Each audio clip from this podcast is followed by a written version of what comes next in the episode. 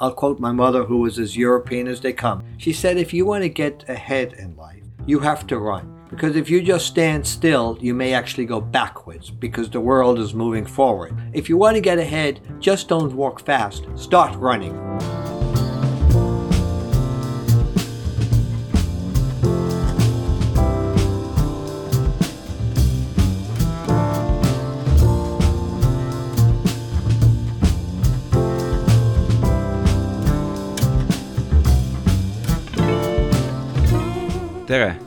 Minu nimi on Rainer Sterfel ja te kuulate kümnendat episoodi saatest Globaalsed eestlased, kus meie eesmärk on luua mälupilt silmapaistvatest Eesti inimestest üle maailma, üksteiselt õppida ning tuua end teineteisele lähemale. nüüd iga ümmarguse järjekorra numbriga saates saab meie podcast'i külaliseks olema mõni väga eriline inimene, kes pakub Eesti jaoks võib-olla veidi teistsugust perspektiivi kui emakeelt kõnelevad globaalsed eestlased. Nendeks võivad olla näiteks märkimisväärsed Eesti juurtega inimesed, kes lihtsalt ei räägi eesti keelt või mis tahes rahvusest inimesed, kes on Eesti lähedased sõbrad ning kes on Eesti arengule suurel määral kaasa aidanud. meie esimese kümnendiku erisaate külaliseks on Jenik Radon, kes on äh, kogu oma karjääri pühendanud uute ning arenevate riikide abistamisele ning Eesti on tema elutöö seas erilisel kohal täna on Jannik New Yorgis Columbia ülikooli avalike ja rahvusvaheliste suhete dotsent, kes on pidanud loenguid rohkem kui kuuekümnes riigis ning äh, selles konkreetses podcastis räägib ta sügavuti oma tööst Eestiga kiiresti muutuvate kaheksakümnendate lõpus ning üheksakümnendate alguses. näiteks, miks jätsid eestlased talle esimesest kohtumisest alates sügava mulje ning äh, kuidas aitas ta luua Eesti erastamise seadusandlust ja veel kuidas aitas ta Eesti toonastel juhtidel Ameerika Ühendriikide ja Valge Majaga head suhted sõlmida? miks on äh, Eesti tema arvates muutunud äh, avatud mõtlejast liigselt Euroopa keskseks? ning äh, saate teises pooles on ääretult põnev analüüs Euroopa arenguprobleemidest, aga ka Eesti peidetud potentsiaalist ning kuidas teha Eesti suuremaks. ja päris lõpus annab Jannik inspireeriva ning suure idee, kuidas Eesti võiks oma sajandat sünnipäeva tähistada saade on salvestatud äh, kahekümne kolmandal oktoobril kahe tuhande kuueteistkümnendal aastal mu Palo Alto koduhoovis Stanfordi ülikooli külje all, mistõttu on nii saate alguses kui ka vahepeal kuulda ülelendavate lennukite müra. E, ilma pikemalt äh, sissejuhatust tegemata, siin on minu vestlus Eestis vähem tuntud, kuid tõelise Eesti sõbra Jenik Radoniga. head kuulamist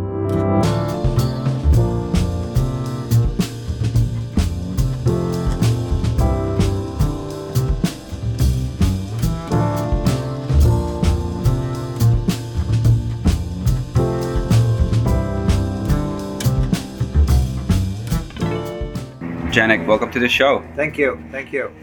Nice to be here. Yeah, thank you for coming. Um, we're sitting here in uh, sunny Palo Alto. It's the 23rd of October, 2016. And our mutual Estonian acquaintances uh, who recommended um, to talk to you speak very highly of you and uh, you have a very interesting background. I was doing some research, and the internet never lies, of course. Ah, of course, never, never, never. Uh, so your your background really ranges from from sovereignty and human rights to minority rights to to natural resources, or more particularly sustainable natural resource development, and anti-corruption and so forth. And today, as I understand, you're the adjunct professor at the School of uh, Public and International Affairs in Columbia University. So my question is just as an introductory question when someone asks you what do you do? how do you respond? Of course a lot of people ask me what i do. I say one i'm a lawyer by trade because that's the basic uh, background that i have and i still practice law. And then i also add to the fact that i would say that uh, i'm a teacher because i teach at columbia. Previously actually i taught at stanford uh, that's where i started at stanford law school stanford business school. Uh, and I also say I'm an activist. I'm a negotiator. Uh, and I'm an environmentalist. So I say I'm a number of different things. And then if you put it in almost a negative way and a positive way at the same time, I'm a jack of all trades, but then I don't finish it. Expert of none. I won't go that far. nevertheless, it's very impressive, and one can get overwhelmed really quickly when reading your your background and your achievements in your career. You've uh, helped a long list of countries. Uh, I was not able to put together a number, but what I did find is you've lectured in over 60 countries. And one of the countries you've been uh, very uh, much involved with and helped tremendously is my country, Estonia. And uh, serving as an advisor, just for background for uh, the listeners, that Jenik served as an advisor during Estonia's independence struggle. He co authored the country's foreign investment and corporate laws and he was one of the architects of the Estonia's privatization process. So, Jenik, what was your first encounter with Estonia, and what was the initial uh, collaboration about? I was in Poland in the 80s, and I was um, um, active in Poland. I started being active in Poland in 1980, then martial law came, and then nothing happened for a while, and then I became reactive. And then I was in Poland giving a lecture on joint ventures in Poland. And at that time, a Soviet representative who turned out to be uh, Lithuanian of background, and he was very tall. He must have been 2.1, 2.2. I mean, he was a tall guy. Asked if I could have my business card, and I looked at him and kind of uh, looked up at him and passed my business card on to him. And I asked, of course, why do you want my business card? And he said the following, and you have to listen to the exact words we are thinking of inviting you to the Soviet Union if you would accept. By that, he meant, unless you tell us you will accept, we're not going to extend the invitation because they wanted security in the fact of uh, having a reception, a positive reception, if they extended the invitation. So, nothing happened for a few months. Then I met another Soviet who came to me in New York, had my address, and he says this conference that we talked about or that you talked to someone about is now becoming real but uh, the united states is not in favor of this conference so we need an american representative. You've already agreed to come. Do you still agree to come? I said sure why not? And he said can you put that in writing? Literally so i drafted a letter saying dear so and so i don't remember what but uh, uh, this conference. Thank you for inviting me. I'm more than pleased to attend and participate. He took that letter and went to Washington to meet some U.S. officials. I have no idea to this day who they were. And they said, We oppose this conference. And he said, No, we're going to have this conference on, which would be the first conference in the Soviet Union on joint ventures in the Soviet Union. So, in other words, a double joint ventures in the Soviet Union holding a conference on that. And he and they finally agreed, okay, you can have it, but there has to be an American. And he flipped out, as he later told me, my letter. I got this. And they had no idea, of course, who I was. but there was this American who said he would come. And since I already had credentials on speaking in Poland on joint ventures, they couldn't really oppose my expertise. Mm-hmm. I, and I had done a lot of joint venture work. So then I get a formal invitation now, since it was a done deal, to come to the Soviet Union. But at this point, I had no idea where the conference would be. Zero. I assumed incorrectly, obviously, that it would be in Moscow. And then I get it, and it was in Tallinn, Estonia. And actually, I hesitated because I was one of those people who believed that Estonia was not part of the Soviet Union. So I said to myself, do I go? And I said, then yes, on the grounds that you need to have contact, you need to have communications. So I accepted. So the first time I came to Estonia, and by the way, when I originally was in the Soviet Union for the very first time, which was as a student in 1968, I refused to go to the Baltics on the grounds that they were not part of the Soviet Union. So I actually, I had a very activist mentality in this regard. So now I was intrigued, and so I get to um, Tallinn, Estonia, for the conference. And my let me describe to you my very first impression of Estonia. I was at the airport getting my luggage, something totally normal. And the luggage was it was the carousel was relatively modern, and I see all these young, fresh-eyed kids uh, wearing good-looking parkers uh, and with ski equipment. So I figured they got to be Westerners because this looked quite Western. So uh, I went to them and says, without thinking in English, figuring that they must speak English. They did. And they said, We're local. I said, Oh. So where do you guys go skiing? Because I knew you couldn't go to the west. Oh, we went to Siberia. I said, but this is not cross country skis you have here. These are alpine skis. We, I, didn't know they had anything like that. Oh no, we climb the mountain and then go down. And I said to myself, my God, what kind of people live here?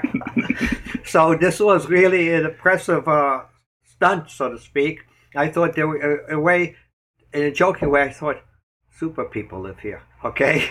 And then uh, I was obviously picked up at the airport as soon as I got outside of the customs, which took a while, you know, all that uh, stuff.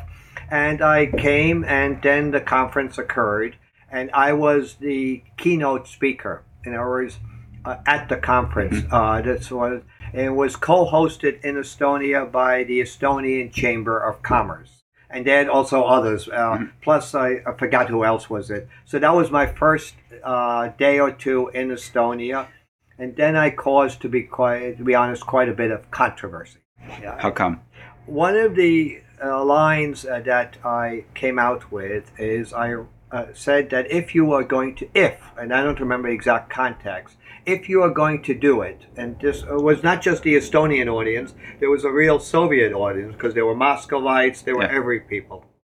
You must do it this way, uh, uh, etc. And they said, uh, the Italian group said, "How could you say that?" Uh, I said, "Well, they're either going to play the game we want it or they're not going to play it at all." And but everyone, actually, the, everyone from Moscow on, except the Italians, came up to me and started speaking to me because I had a very strong opinions on how to get it right. I said either they're going to have a market economy or they're not going to have a market economy, and here are the basic rules of a market economy. And so that's why it caused quite a bit of controversy. But uh, along with that, I uh, at that point, besides meeting the Estonian Chamber of Commerce, uh, Peter Tamoja, uh, there was uh, his assistants who one of them was Anu uh, Anu Pat, and then there was uh, Viva Us. Those were the three people that I engaged with. Tom, uh, Peter and Anu in the first order, and uh, Viva in the second. But then at the conference was also another person named Thomas Silva, and Thomas Silva uh, kind of uh, took uh, interest in me because I was, be honest, quite outspoken and then he dragged me around all of Tallinn mm. to the radio and to everything. So I, I don't even remember to where one, etc. Uh, and uh, so that was the first time of my encounter and uh, with Estonia. But there was a key to it. I went to the conference. Obviously, I made my presentations. But before I left the United States, I went to my daughter and I said, "Look, I'm going to Estonia." Uh, she was a basketball player in high school at the Dalton School. I said, Would you like to play basketball in Estonia? She said, Sure. I mean, what the hell did she know? Okay. So I said, You better ask one of your teachers if they'd like to send the whole team to Estonia. And I'm sure the teacher understood Astoria as opposed to Estonia. But at any rate, the word came yes. Okay. So when I came to Estonia, I said to Thomas at that point, uh, I have a request. I'd like to arrange a basketball exchange uh, between Estonia and the United States, privately arranged. I was thinking of ping pong diplomacy, so this was basketball diplomacy. Yeah. And he said, sure. And he says, well, I have connections or ties to the uh, 21st school. Maybe I can introduce you to the principal and you can talk to them. And so I did. And they said, fine, we can have uh, the uh, exchange with uh, the girls, but excuse me, we have a problem. I said, what's your problem? What about the boys? Since I only had a daughter, I wasn't concerned about the boys.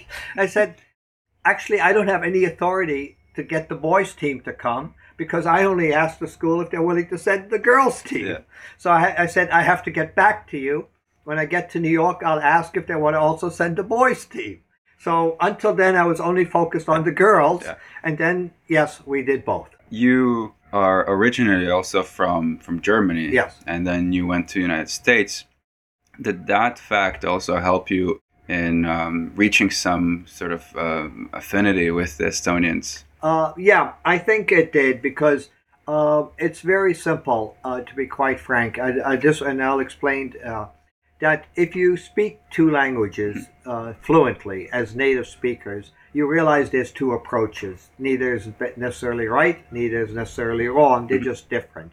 So that's one. But second of all, in the case of Estonia, I found, like when I listened to some of your music, uh, if I didn't listen to the words, I thought it was German. Okay, I said, wait a second. You know, you're kind of rubbing your ears like you're not hearing right because the music is, but the words are wrong. Yeah. Uh, and I found that a lot of the characteristics of the way that people were engaging with each other, let alone with me, was very Germanic. Mm-hmm. And then your food. I'm sorry, that's the same as I would get in Germany. So there was obviously you had a little bit more fish, but I wasn't Yeah. from northern Germany. I was from the center, etc. So I didn't have that much fish. But other than that, I felt like I was having a German cuisine, Yep. uh, etc. Yeah, we are very influenced by all the all the cultures around us. um, Yeah. no doubt. I also understand you were one of the first to officially raise a U.S. Uh, flag in the in Estonia, and, then Soviet occupied Estonia on the premise of U.S. embassy. Yes. You want to tell a little bit about that story? Yes, uh, I, I honestly got involved with uh, Estonia, okay? And I don't remember exactly the time occurrence of everything, but uh, I became, as I said, very engaged with your Estonian Chamber of Commerce. And I said that we should create an Estonian American Chamber of Commerce. Uh, admittedly, I had no interest in creating business connections because there were none at that point. So that was not my driver. I said the Estonian American Chamber of Commerce can be created so when businesses come, we have it, which was really in anticipation of the future. I mean, there was no realistic thought of that at this point. And we need premises. And I said the only premise that we should have for that uh, was uh, uh, the uh, former U.S. Embassy.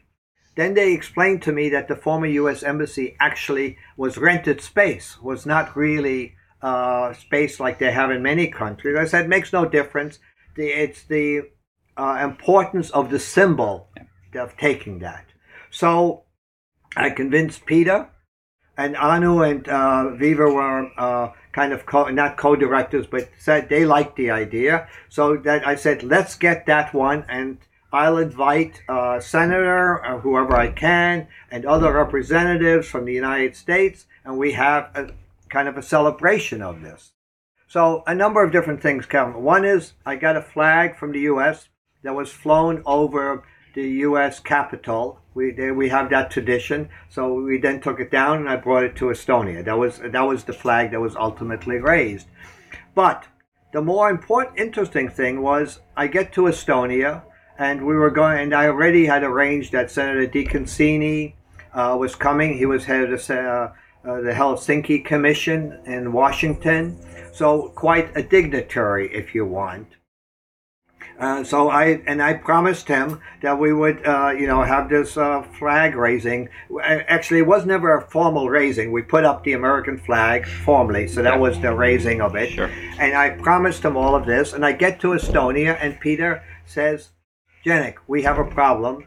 We have to do it somewhere else. I say, what do you mean you have to do it somewhere else? We didn't get back the embassy. You only uh, technically won the third floor because it's Komsomol in there and they're not leaving. I said, get them out. And just get them out by tomorrow. That's bold. Uh, and they did. Uh, and he says, Jenik, we got another problem. I said, You're full of problems. What's your next problem? He says, Jenik, we now got the embassy building back, although we, the U.S. had only, but we can't fix it up in time for the ceremony. I said, let's do it on the ground floor uh, and just do it there. Although that was not formally the U.S. embassy, it's the embassy building, etc. Let's do it there. And that's exactly what happened. When you were working with the Estonian different institutions in the in Estonia, basically creating new legislation and architecting privatization and things like that. What did you learn um, about Estonia during that period of time? And um, And how much of that work do you see um, today still at play? Okay. Uh, let me say this. There are a number of things I liked about uh, the Estonian people. One is I found, just as I mentioned, the skiers, you seem to stand on your own two feet. You were sturdy. I liked. But from an intellectual point of view, I found something very interesting. While I related and you related to me, we talked. Uh, on the whole, though, you really never just took, uh, uh, let's say, advice or instructions or what, I'm not even sure the appropriate word, uh, uh, unless you understood why I was saying something. So you always exhibited a natural curiosity. Why did you say this? What's the meaning of that? So you always wanted, as a group, explanations for things. And that I liked also.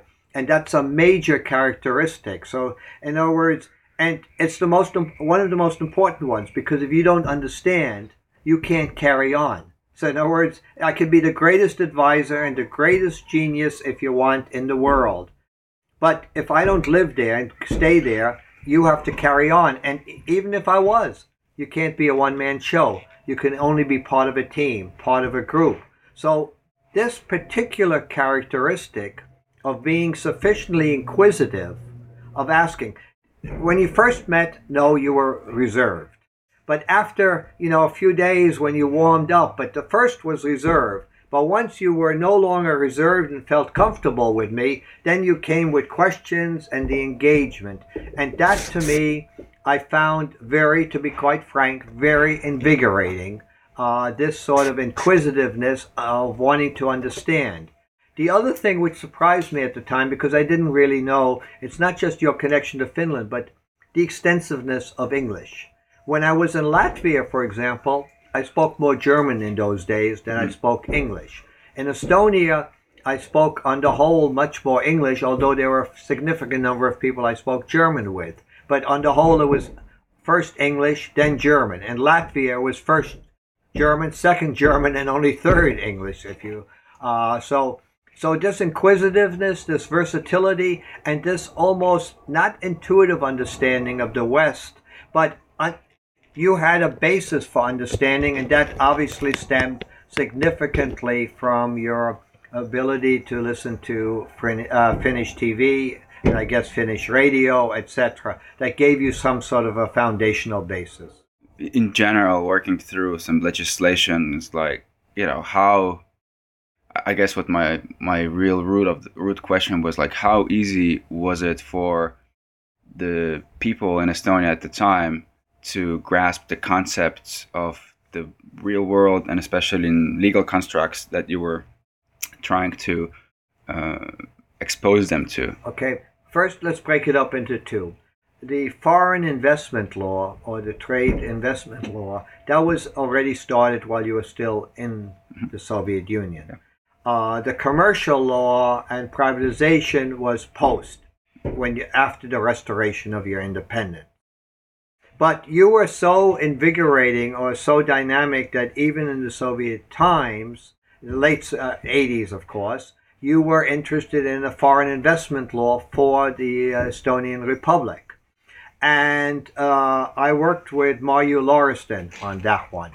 Uh, and I drafted something, and again, I had to explain why I did what I did and what was important, what was not important. The irony of it is, while we were working on it, you became independent, had your independence restored. So while it started earlier, it was a mindset that was already earlier, but it was completed only after the fact. Uh, the case of, uh, let's say, the corporate code uh, before privatization it was perfectly obvious to me, although it was not obvious to all outside advisors, particularly those who came from North America, whether Canadian or American, uh, that your t- background's uh, legal tradition was from Germany and from the period after World War One. The period after World War One was in lawmaking very similar to, even at but not necessarily identical to Germany civil law. So the when I looked at creating the commercial code or the corporate code for Estonia, I what I did was very much look at Germany and s- explain that uh, you needed to follow that route for several reasons. One, it was already in your legal tradition uh, post World War One. Two is it was already modernized in the sense that the world's economic standing uh, conditions had changed, so you needed something that was a little bit more up to date.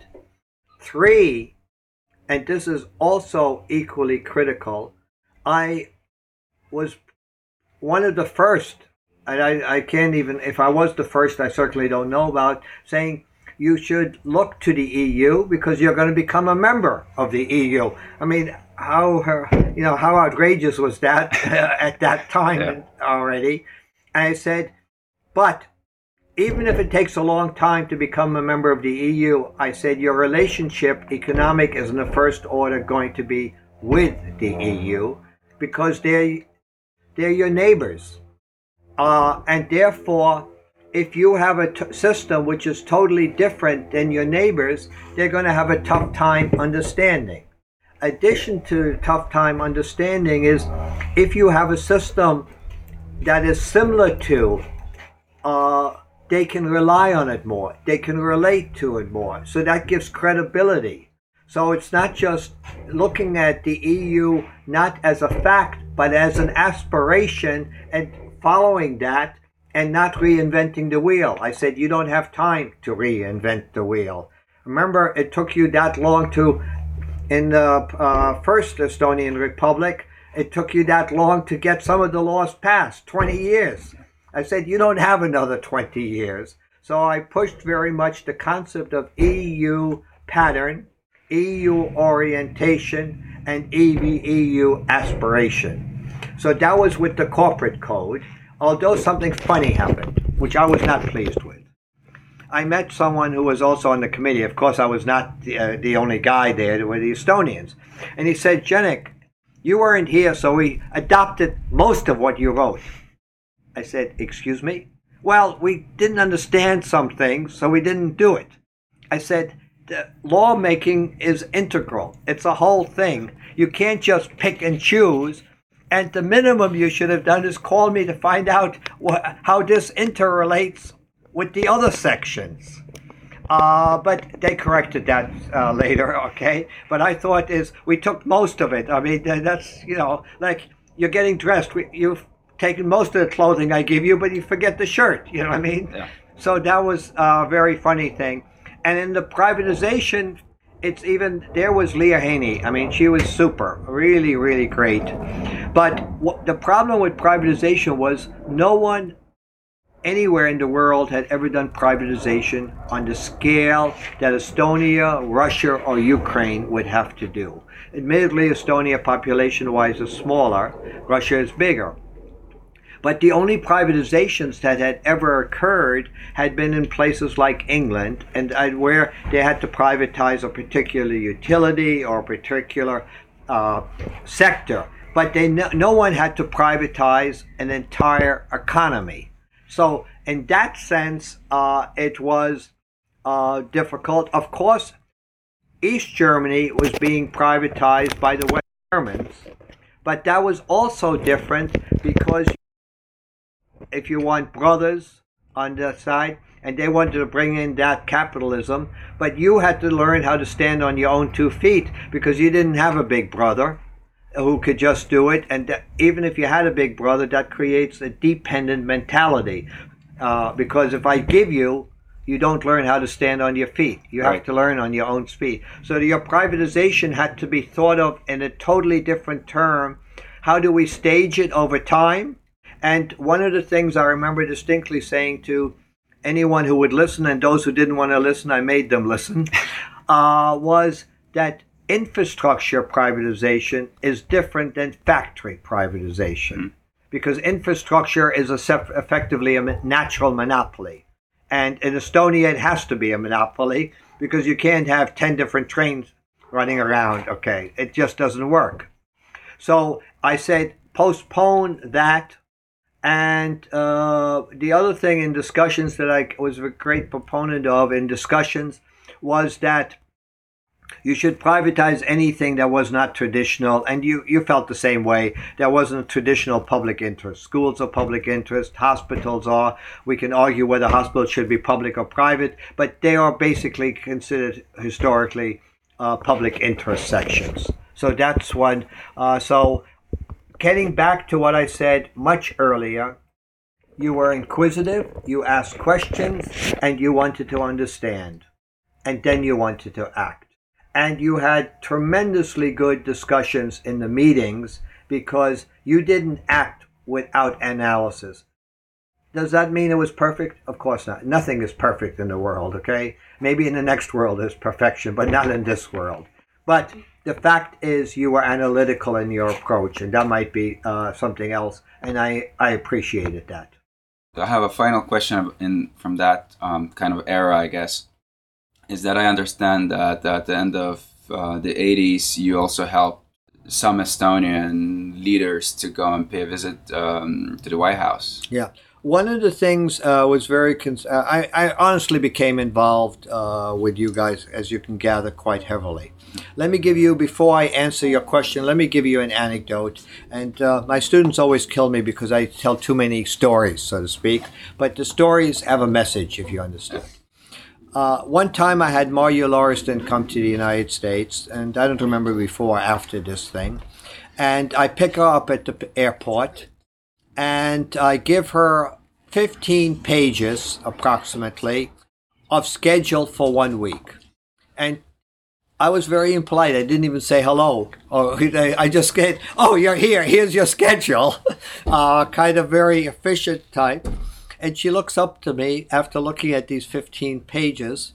And I said, it starts, you know, tomorrow morning at 8 o'clock or something like that. She says, is this called freedom? I said, in your case, that's called freedom. So you have a schedule. That's it. End of discussion. Um, one of the things that I was very concerned about, and you can also ask why, but I, that's just my nature, was that you get uh, contact with the United States, okay? and you had one as well as Latvia and as well as Lithuania. You had an advantage. The U.S., as opposed to Canada, for example, never recognized the incorporation of the Baltics into the Soviet Union. So technically, you were still viewed legally from the U.S. point as being independent but occupied you had a, a general counsel uh, in the United States who was a senior diplomatic dean because he was there when you guys were occupied, and he stayed there at that point. Um, so I said you got to um, uh, somehow meet, uh, get uh, meet officials, etc. So one of the things I created with Middlebury University, where Mari actually went later, we created a conference uh, in uh, Middlebury and invited uh, the uh, leaders, all the leaders over. That means from uh, Estonia, Latvia, and Lithuania. The Lithuanian did not come, okay, at least not to Middlebury. And uh, Godmanis came, and Savisaar came, and other uh, and additionals came. And then from there, we also went on to Washington, D.C., uh, where we had gotten meetings with congressmen, senators, etc., uh, with pretty much everybody. Uh, and I don't remember if it was not. I don't think it was that one, but that had set up the pace, the standard, the stage, the foundation for future meetings. And then at another time, I invited, among other people, uh, to come, and I also invited at different times Lennart Meri and a person that I coordinated with tremendously, who was a great service to your country, was a, a State Department official who helped me a lot, Paul Goble, at that point. And I basically shared one of the things I wanted to do, and he was a strong supporter, super supporter of the Baltics. So I couldn't have just done it, uh, you know, opened up some of these doors by myself and so I called on him if he can introduce me. Some things he pushed, but I had the advantage that uh, I was officially non-political because I was not the government. Yeah. So therefore, I was independent. So we could work together in uh, making those doors. So he was instrumental in doing uh, working that. I said I wanted that, and we sent invitation, uh, sent out invitations, but sent out letters, and then I. Uh, and uh, I guess uh, it must have been at the time I had all three Baltic leaders, although one didn't come to Middlebury, he only came to Washington. So therefore, you had you couldn't ignore them. There were three. I said, don't bring everybody individually, bring them once together because that's PR, public publicity, everything. So once that foundation was laid, the rest was easy. So it was uh, uh, I'd have to go back and re- check exactly the timing of all of this, but basically, I wanted big publicity, and the fact that I was the first one, in fact, I think at that point the only one who brought, instigate all three leaders to come at the same time. I was fearful if everyone came uh, one at a time, you wouldn't get the PR. But it was big news media to have all three leaders of the Baltics at the same time. I'll just switch gears. Um, uh, and uh, one of the reasons why I started this podcast was because that I felt that in the past 25 years uh, of, of freedom, uh, in the case of Estonia, we now have uh, some truly global Estonians uh, whose success and their struggle and their mindset and their context and and, and everything that associated with that doesn't really um, reach back home to the mothership and um, and and we cannot really learn from each other and, and also don't really have this kind of horizontal community. And and I felt that since Estonia is going to turn 100 years old uh, or at least de jure the Estonian Republic is going to be um, celebrating its 100th anniversary I thought why don't we try to build a, a more global community? So my question to you is you have seen a lot of different communities um, uh, all around rural Asia, Africa, the Americas, and so on. What, what does it take, in your opinion, um, in the world of tomorrow to build a thriving, connected society? väike lõik läks kaduma, jätkame sealt, kus õnnestus taastada. Or with each other. You can be competitive, no problem whatsoever. But sometimes I think you so enjoy working with non-Estonians that you forget there is Estonia. Okay, uh, it's almost like uh, you know you know yourselves too well. It's a normal thing. It's boring. So I think in building a community, you have to understand that you can actually support each other because you have a basic common culture. Forget the language, but that obviously support, but basic common culture, basic support, and you have to learn something else in building the community. Your as I have publicly said, not just once, but many times, there's only one real problem with Estonia. There are not enough of you. Okay? There's only 1.3 million. There was 1.4 million, and this includes people who do not necessarily share your culture at this point. Those are the people of the Russian speaking community. They've been there, but they're not fully, let's say, integrated, but they're getting the younger generation, I find, is improving. But nevertheless, so you only have about a million people which have your cultural heritage. Uh, that's too few people to do anything. Even if you look at Singapore, that they have four and a half, five million people now, even if not more. So therefore, they have grown, and they find with too few people you can't do anything. You also have a, uh, this diaspora community, but that's not that very big. It's only a few hundred thousand at best. I mean, at best, maybe 200, maybe 250 at this point. and they're scattered in various countries, and even within the scattering, other than in Sweden, they're scattered around the various countries that they're in. So, getting back to what I said, communication, first of all, etc. Two, you can share common ideas then, etc. And as in any other community, if you have a common background, you generally also have more common reliability and common trust. And that's very important if you need advice. And uh, a negative of yours is a, uh, I mean, a positive of yours is also a negative of yours. You like standing on your own two feet.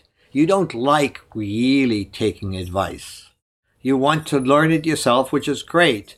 But in order to really succeed, you need teams. You need teams on which you can call in each other. Uh, because you need support. I mean, you may be the genius of the year. How many days you got? 365. How many hours you got? You don't even have 24. I mean, if you want to be good looking, you need sleep, beauty sleep. So basically, you can't do it alone. And that's where I think the community aspect is very important. And you got the means. But there is one more challenge that I see that you have. You have several Estonias, so to speak. You have the diaspora, which has become global, sees things differently. Like you have a great, really great group in Paris who are designers. So they've been exposed to French fashion, but they also bring in their ideas. Uh, you have some here as yourself in Silicon Valley, but not that many. You have uh, so you have people scattered. You also have a very famous musician here in the United States, basically based here. But I find that sometimes, and I've noticed one ma- one major change from my perspective in Estonia. In the beginning, when I first got to Estonia, you were actually open to the entire world. Now you've actually become more Eurocentric. Not you're in Europe, no problem. Be Eurocentric. But there's also North America, there's Asia. Asia is the dynamic growth center of the world. The labor market uh, is which is undeveloped is Africa. By the year 2050, almost 50% of the world's working population will be out of Africa. It doesn't mean that they're the most highly qualified, but if 50% are there, if they don't have anything to do, they're going to take a few boats and come to Europe, let's say. So, what I'm getting at is that the people in Estonia are not always as knowledgeable. They don't read as much as when in the late 80s, they had sometimes more knowledge of what was going on around the world. Now you've become a little Eurocentric. Uh, forget Estonia centric, but Eurocentric. So I think it's necessary to bring modern ideas back into Estonia and to make you a little bit more ambitious. Now, that's the hardest one. Why is that so hard? Because, you know, like in Germany, when I was growing up, if you said I want to give someone a compliment, you would say, not bad. You are not bad. As my own roommate in college said, Jenik, when are you going to say something is good? I said, I did. and It's not bad. He said, that's not the same as good. So we speak in negative. It's not bad. And you have to, uh, the result what I'm getting at is since you are only 1.3 million people, you have to learn how to manage.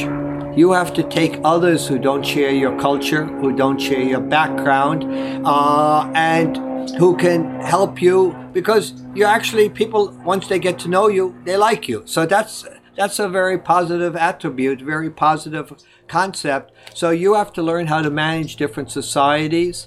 Uh, and I don't mean manage the societies, but people, integrate them. And that's why I think e citizenship uh, is a good start. I didn't say it's an end, it's a start. But that makes people acquainted with you. And I still find the single best advertising, you may not like it because some people are complaining and moaning, is the fact that, that Skype came out of Estonia. That gives you a brand. Now you got to use that brand, but that means you also have to figure out how you get others involved with you because otherwise you will sooner or later become a nation fully of 1.3 million people. And the best start is your diaspora. Uh, some have become Canadian, Estonians have become Canadian. I mean, they've not. But you still have a younger generation and you can get others, and obviously I'm a proponent of that. You are friends of Estonia, okay? So and we share that sort of thing. So I think it's time to figure out how you can not just do but also manage. Okay, it, uh, and that's. But I do find the Eurocentric view in Estonia a great surprise to me. That I thought that you would remain your openness. It doesn't mean you're closed, but you're not as flexible uh, as receptive as you were before. And that is, uh, and I'm not sure I even have the right vocabulary word to describe this because you're not closed, but you're not open. It's kind of like uh, uh kind of a semi reluctance to do more things. I think that um, there's a whole list of invaluable advice uh, in what you just said. this is also one of the reasons why I feel that we need to be more connected and be more proactive, and yes, learn to work with each other. And in this, uh, you know, pursuit of, of sort of knowledge acquisition around the world, not forget about you know our own people, obviously, and then and then there's the openness um, versus the overwhelming amount of information and and what's happening in the world. Uh, people have become more just content with you know basic needs are fulfilled as compared to what was there before. There's a lot of discussion: Are are we still hungry? Um, and, uh, and, definitely, I think there's there is um, a big effort in terms of uh, maintaining everything that has been built because at some point we didn't have anything to lose and now we do and so there's this risk averseness that's um, kind of uh, kicking in um, that we didn't have before i totally if i may interject Please. agree um, it's always unfortunately the case in human nature that and I'll put it in a very sort of almost not quite emotional, but sociological and emotional terms. When I was a student, uh, in 1967, I traveled to Afghanistan, overland. Afghanistan was peaceful in those days, so there was no problem. But I found some of the most generous people, most helpful people throughout were the poorest people. They even invited you to dinner, and you felt very uh, reluctant uh, because you knew they didn't have as much. But I remember as a student, I mean, uh, and you wanted to pay, but they wouldn't let you. Uh, you wanted to do things, but they wouldn't let you. They were also very honest. I found that they, when I traveled, the poorer people, they had, in a one respect, nothing. They had nothing, and they had nothing to lose. And when they, then I noticed some who were better off, and there were more reluctance on that. And when you notice it as a student, it's real. Later on, you there are other things in play, but as a young person, you're open. You put your nose into everything. You get active engagement. So I find that this uh, thing to lose is uh, unfortunately a psychological problem, but we all have that to a degree in different formats. But I would say, and this is one that you, is a global comment or a global recommendation if you should, uh, everyone needs to look at somebody else to see where they can succeed. All of us. Uh, maybe there's some guy really at the ultimate top that doesn't look, but everyone has competition. Historically, you've looked at Finland, and I remember when I first got to Estonia, you said you were better economically, more developed in the 30s than Finland was. So you use Finland as an inspiration, as a model, and you wanted to achieve. But you're different than Finland. Uh, and uh, what I mean is, uh, you still have some catch up ball, uh, but you're small, much smaller. You're one third the size of Finland, maybe even a little bit less. But if you look at the challenges of really small nations, and Finland is not a big nation either, but you even have to uh, focus more on people than even Finland does look at the history of something like Singapore. It has nothing. It's an island. It's an island state. They are uh, more influential in the world than a lot of states bigger. Admittedly, they probably have the same population as Finland now, but they developed with a global mindset that they were uh, not going to be just lost in the sea of population that is Southeast Asia, so I think if you looked and saw what Finland can do, and I'm sorry, what Singapore can do, you can do it too. Uh, because the other thing, and this is moving out of the issue that you've raised, but is one I find, and I've complained about this for years, and particularly with my German friends and relatives. Germany is focused on Germany and Europe. Well, I'm sorry if you look at the world the way it's developing, the population base, as I said, is Africa. The economic dynamic base is Asia. You cannot be Eurocentric in today's world anymore. And the openness that I discovered with you initially, and you had it for many years in the 90s, I'm not even quite sure when it kind of started changing a little bit. Uh, if you look at being a leader like Singapore, that gives you a vision. And the reason that's important is we all need dreams, we all need visions. We need something to look forward to. But if you look forward to just being a member of the EU, well, excuse me, you're a very small member. So you need some a vision which is bigger, and then you can make a bigger contribution to the EU by leading the inspiration of the outside world. Because if you're not going to be open, a bigger country by definition is never quite as open because they don't have to be. There's enough people to deal with. But smaller countries can have that vision. So getting back to the communication, you can use it. And you can study something like Singapore. Uh, and one of the things that I'm actually doing as we speak is trying to create a small nation conference of one country from every continent right now to see what they have in common, which includes, in this case, Singapore and, of course, Estonia, since it's dear to me, and figure out what are your common needs, what are your common aspirations. But Singapore is clearly the leader in this group, okay? They're dynamic. They have one of the most richest economies in the entire world now on a per capita basis. And when I first got to Singapore in the 60s, the mosquitoes loved me, but I didn't love the mosquitoes. So that's what Singapore was a land of mosquitoes at this point. I, I fully agree with uh, everything you're saying, except, uh, uh, not except, especially uh, when you mentioned uh, Singapore, and, and I would bring in, for instance, Netherlands, um, which is a similar um, sized country as Estonia from an area point of view, but has 10x the, the people, yeah. the population. And um, and I do think Estonians were very successful in the in the beginning of the 90s of trying to find leverage because we really had you know the same amount of people we have now more or less but we were able to use technology to our own, own advantage and i think that now thinking about Netherlands or Singapore, and we we have been successful in the last uh, five to ten years in generating new economy, and and that's a part of the wave that is happening now. And of course, there are, is some friction between new economy and old economy, and people are trying to educate themselves. What is it all about? And, you know, how much we put into R and D, and how does that translate into economic growth? And it's just a lot of the stuff that people have to relearn again because the world is changing so fast and you know there's some fatigue you know you, we've just put in so much work 25 years. And one, one of the questions that i also wanted to ask with regards to to leverage and potential is that um, you really nicely talked about um, how we need to work together. But do we have some unused potential that you see we haven't really used or should we definitely tap into Okay, before I answer that, let me Please. give you another anecdote. You know, because you mentioned technology. Yeah.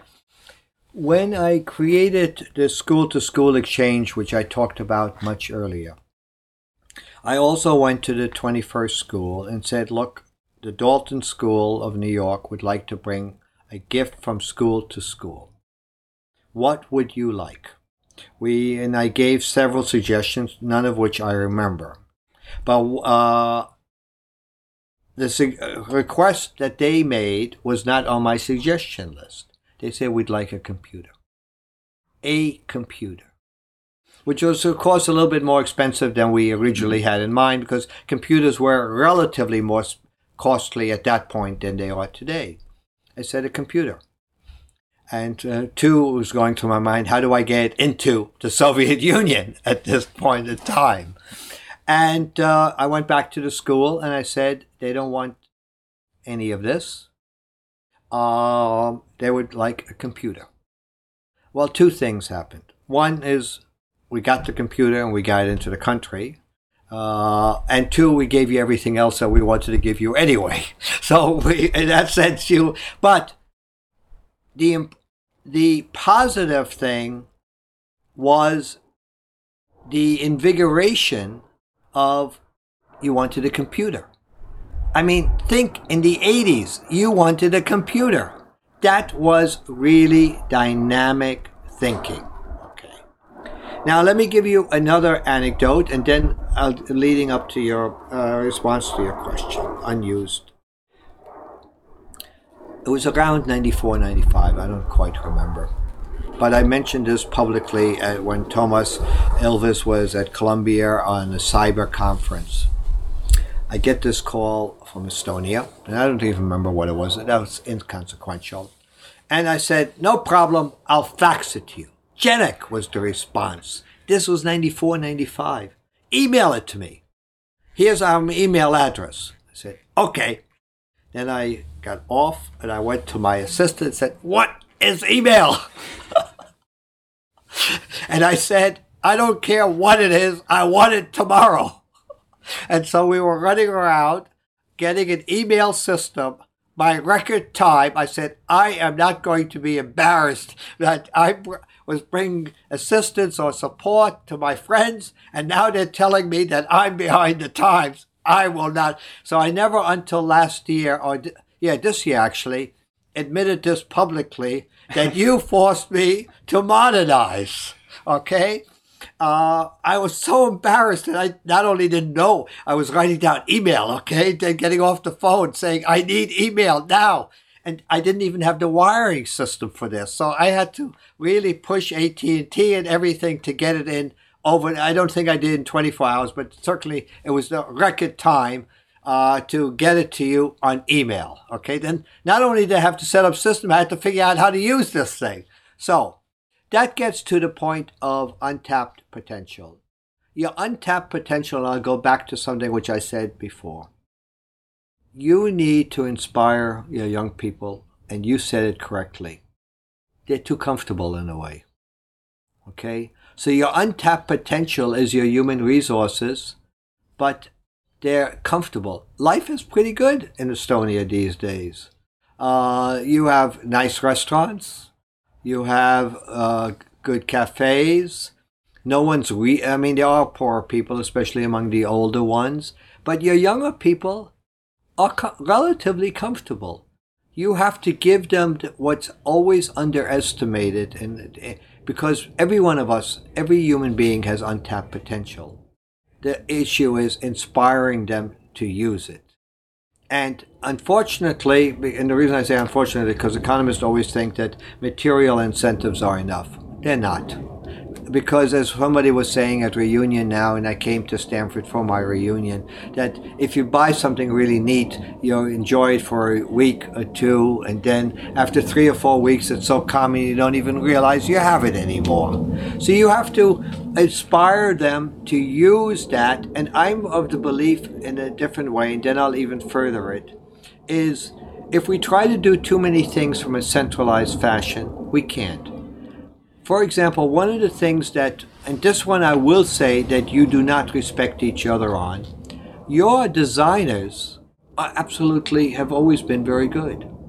Fashion, uh, other sort of designers, architects are getting more respect, but it took them a long time.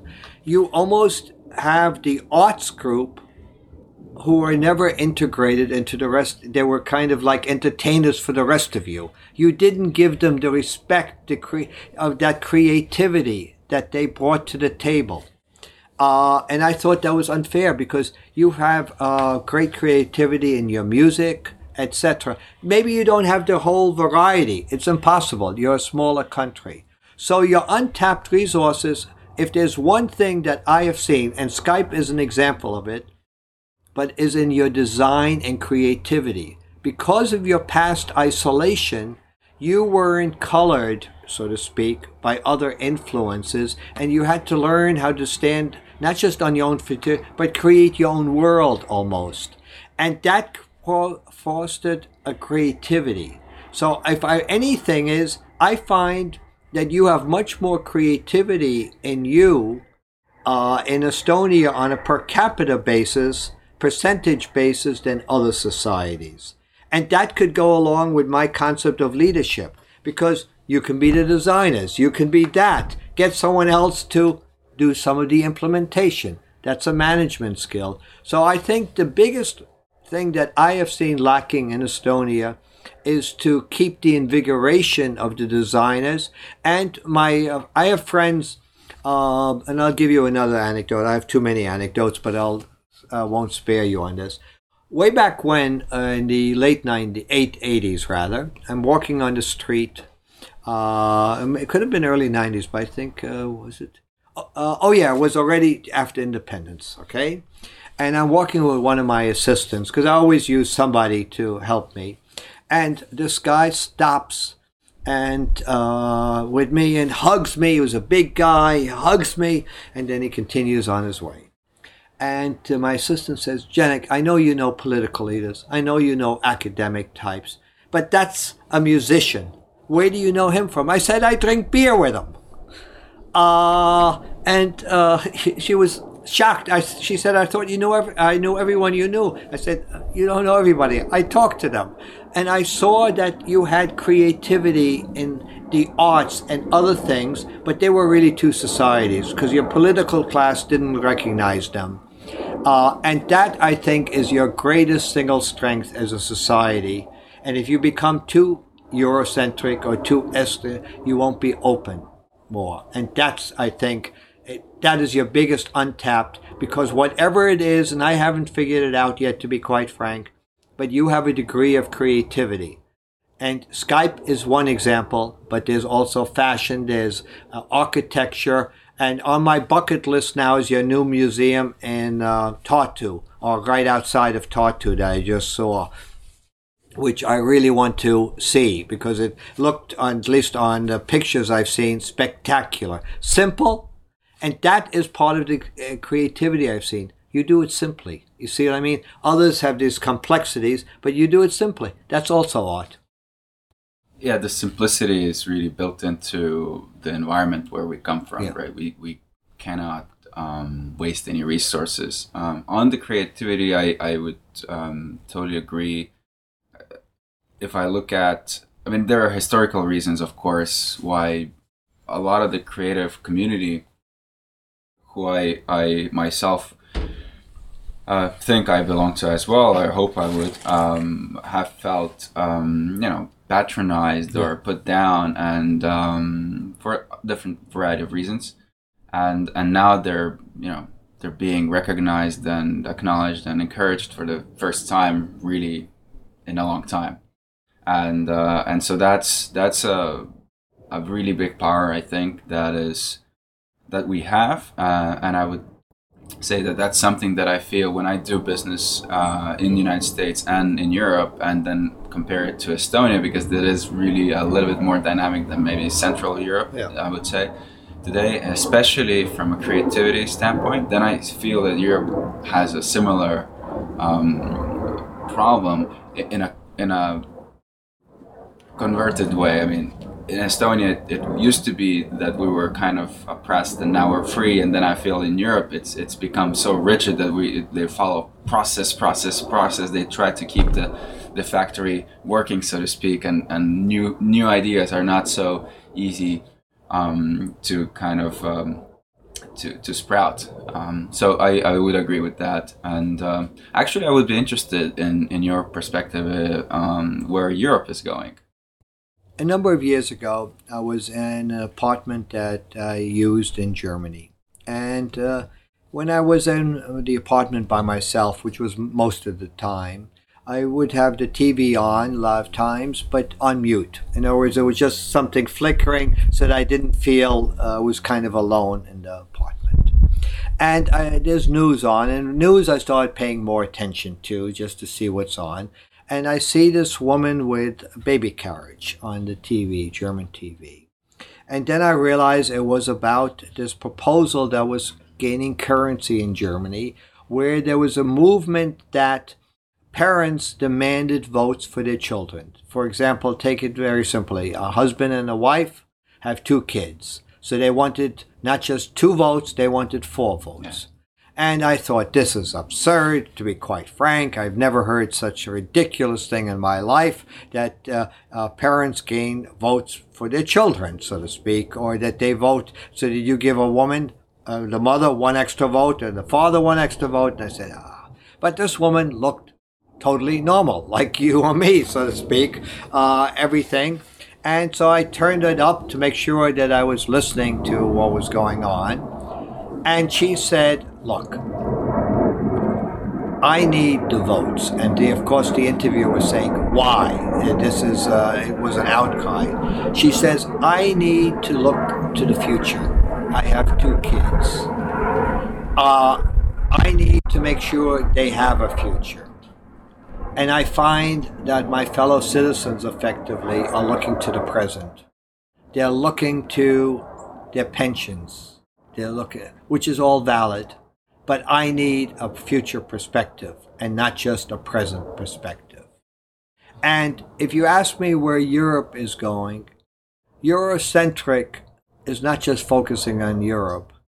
Unfortunately, the demography, and Mer- uh, Chancellor Merkel is correct, they need the people, they need the immigrants. You will have a challenge. There are no Europeans to bring as in immigrants, I mean, as a practical matter.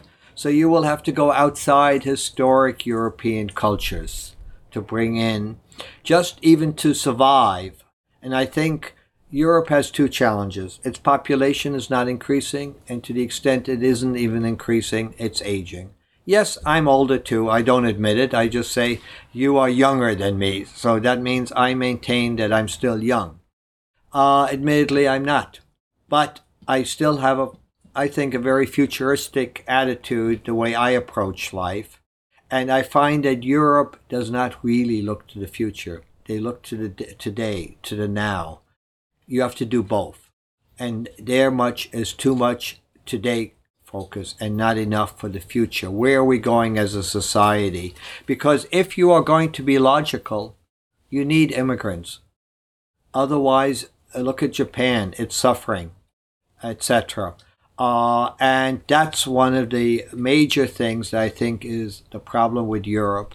And two, from a knowledge point of view, you trade with Asia. You know about Asia, and you know nothing about Asia. Because trading, you don't really know. Through investment, you know. Through education, Germany has now offered uh, education to anybody who comes at the university for free. So you need people of different perspectives. Uh, you need people of different backgrounds so you understand their culture. You can't just trade, you also have to do investment and vice versa. So I find that when I go to, and when I go, uh, US news uh, frequently has cut down, unfortunately, on international, but there's still pretty much global coverage. Uh, England is a little bit better as far as global because of the Economist and the Financial Times, but the rest of Europe is not. So I think that's where Europe is going. I think Europe is at, at a real crossroads. If they do not open up in mind in the near future, in 50 years, we will have a bygone period. And that's really going to be sad. And the other thing is, which is what is the worst of all worlds, is to bring change overnight. Because people don't move as fast as a flick of uh, anything. You need to do it over. So therefore, bringing in people, getting them to understand. For example, let's take Syrian refugees, which caused a lot of the problems. They didn't speak any of the languages of Europe. Some spoke French, but basically didn't. They spoke Arabic. So you need to educate them in a language. You need to educate them in your ways of doing things, but you need to do it step by step. Uh, and that's what's missing. It's a there's no real focus on where is the Europe of tomorrow. There's a focus on, from my point of view, where is the Europe of today and can we maintain that? And I'll quote my mother, who was as European as they come. She came from the area of Pommern, Pomeria in Germany. And she said, which is common currency today, that there's only one constant in life, and that's change. And then she told me some advice which got me very, very upset. She said, if you want to get ahead in life, you have to run. Because if you just stand still, you may actually go backwards because the world is moving forward. So if you want to get ahead, just don't walk fast. Start running. And this was my mother from a historic part of ultimate Germany, which you would say is conservative in nature. She said, change and move fast. Excellent advice. Uh, coming just a few questions uh, before we wrap up. Um, coming back to to Estonia, in, in as I mentioned earlier, in less than two years, Estonia is going to celebrate its uh, 100th anniversary. And uh, if you had a magic wand, what would you like to wish um, for its birthday? Oh, that's a. I like that question. That's a. Well, one, that's the first of many more birthdays. Okay, that's, I hope so. That's uh, the one. And second, if you're going to celebrate, which you will be celebrating it, celebrate it with the world. Celebrate it so that everybody knows about Estonia. In other words, don't just invite the Merkels of the world. Don't just invite the politicians of the world. Have a continuous celebration. Bring the architects of the world. Bring, in other words, stage it so so that's as far as the celebration. And then let them open up your minds, which I said before. So, what I want to wish for is that you use that occasion to be a leader for the next century. head kuulajad, sellega on tänane podcast läbi, loodan, teile meeldis. Kui teil on mõtteid või ettepanekuid, kellega ma võiksin järgmine kord rääkida, saatke palun kiri globaalsedeestlased.gmail.com. kõik saates olnud märkmed ja viited äh, leiate podcasti koduleheküljelt äh, memokraat.ee kaldkriips category kaldkriips podcast. aitäh ja järgmise korrani